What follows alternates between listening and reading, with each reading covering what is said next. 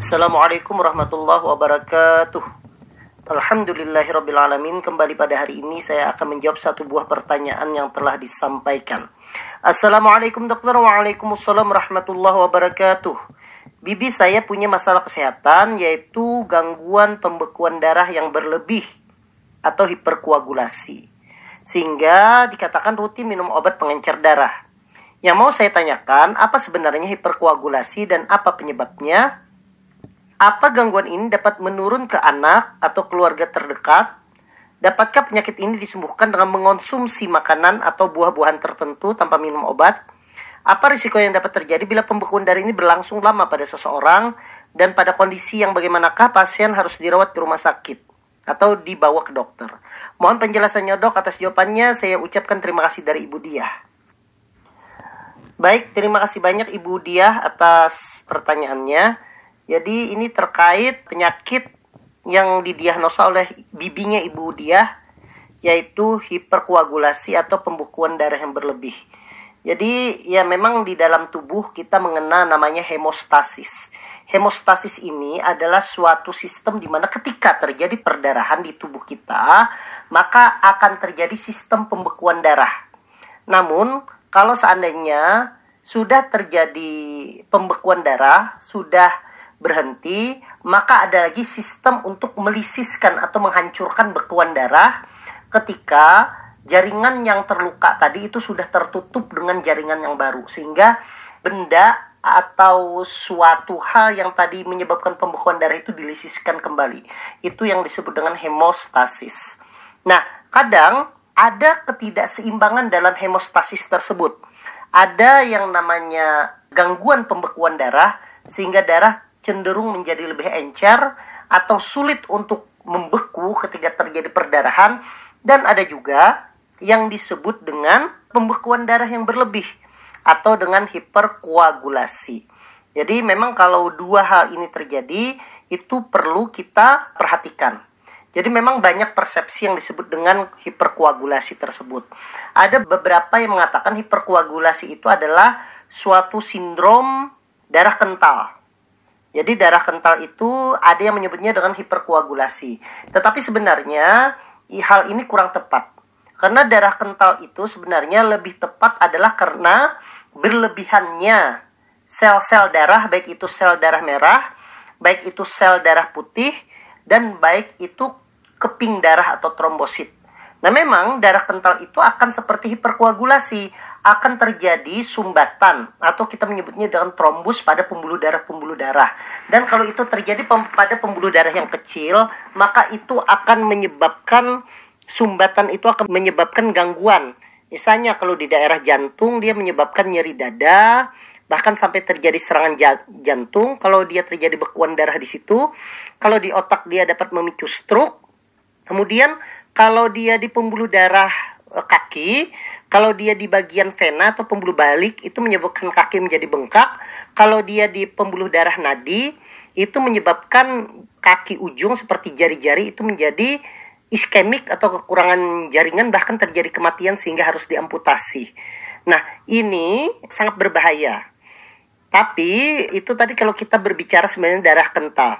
Tetapi kalau hiperkoagulasi sendiri itu lebih kepada suatu peristiwa teraktivasinya secara sangat tinggi aktiva, aktivasinya ketika terjadi sesuatu sehingga tanpa ada rangsang yang cukup pun darah itu membentuk bekuan darah. Nah, itu yang disebut dengan hiperkoagulasi. Sebagai contoh misalnya, kalau kita dalam aktivitas sehari-hari tidak ada trauma, tidak ada luka, sebenarnya tidak terbentuk namanya koagulasi atau pembekuan darah. Nah, pada kasus hiperkoagulasi, kadangkala hanya trauma sedikit saja, benturan sedikit, atau ada perubahan fisiologis di dalam tubuh, itu bisa menyebabkan terpicunya koagulasi atau pembekuan darah.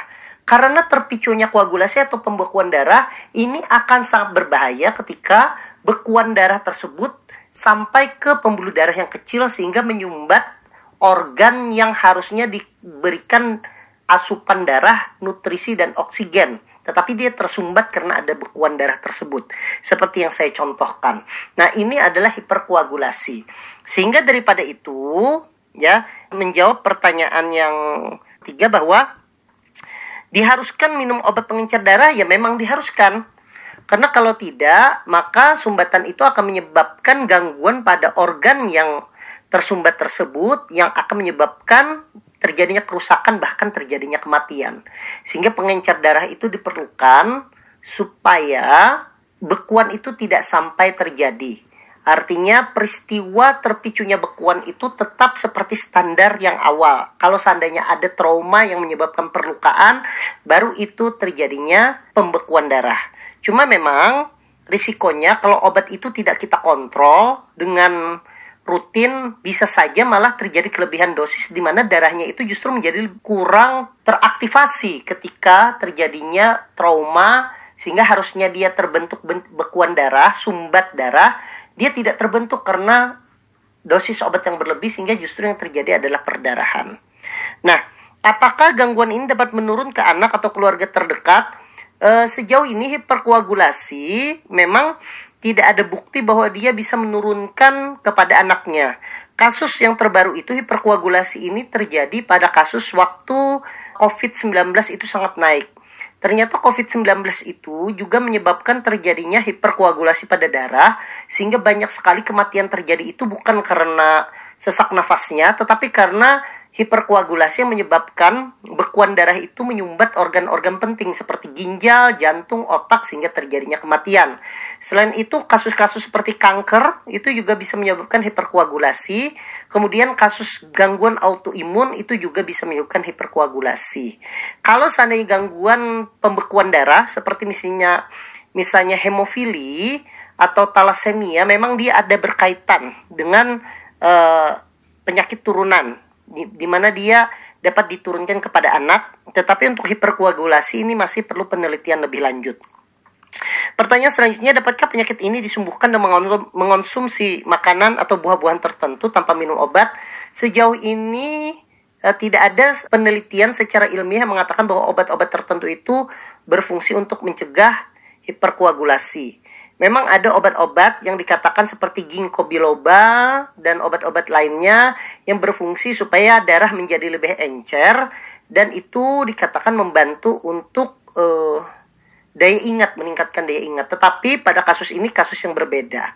Karena pada kasus ini adalah bukan mengencerkan darahnya tetapi mencegah supaya darah tersebut tidak tercetus, tidak teraktivasi secara dini tanpa adanya respon yang cukup supaya terbentuknya pembekuan darah. Jadi dia itu responnya hanya sedikit saja langsung terbentuk bekuan darah. Nah ini sebenarnya yang tidak diharapkan. Nah ini untuk makanan-makanan tertentu atau minuman yang bukan obat-obatan masih dalam pendalaman. Belum ada laporan secara ilmiah itu memang terbukti untuk mencegah terjadinya hiperkoagulasi. Apa risiko yang dapat terjadi bila pembekuan darah ini berlangsung lama pada seseorang? Hiperkoagulasi itu bisa berlangsung akut atau kronik.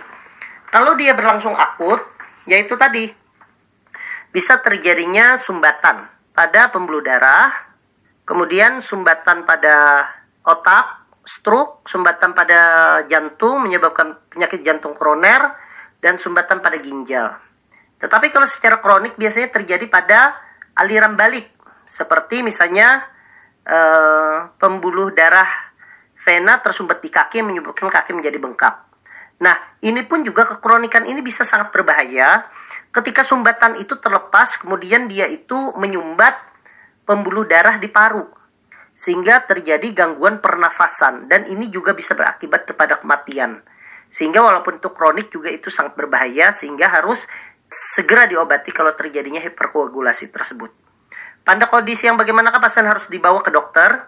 Seperti yang saya sampaikan, misalnya orang tersebut terdiagnosa hiperkoagulasi kemudian terjadi tanda-tanda seperti nyeri dada yang mendadak atau muka menjadi mencong, kelemahan lu, tungkai atau kaki menjadi bengkak atau kaki jari-jarinya dingin dan warnanya membiru seperti kekurangan oksigen misalnya itu harus segera dibawa ke rumah sakit karena itu keakutan yang harus segera diberikan pengobatan. Demikian penjelasan saya Ibu Dia semoga bermanfaat dan saya doakan semoga bibinya Ibu Dia itu selalu diberikan kesehatan Jangan lupa minum obat secara rutin supaya tidak terjadi komplikasi dan kita semua yang ada di sini diberikan kesehatan oleh Allah Subhanahu wa taala. Wassalamualaikum warahmatullahi wabarakatuh.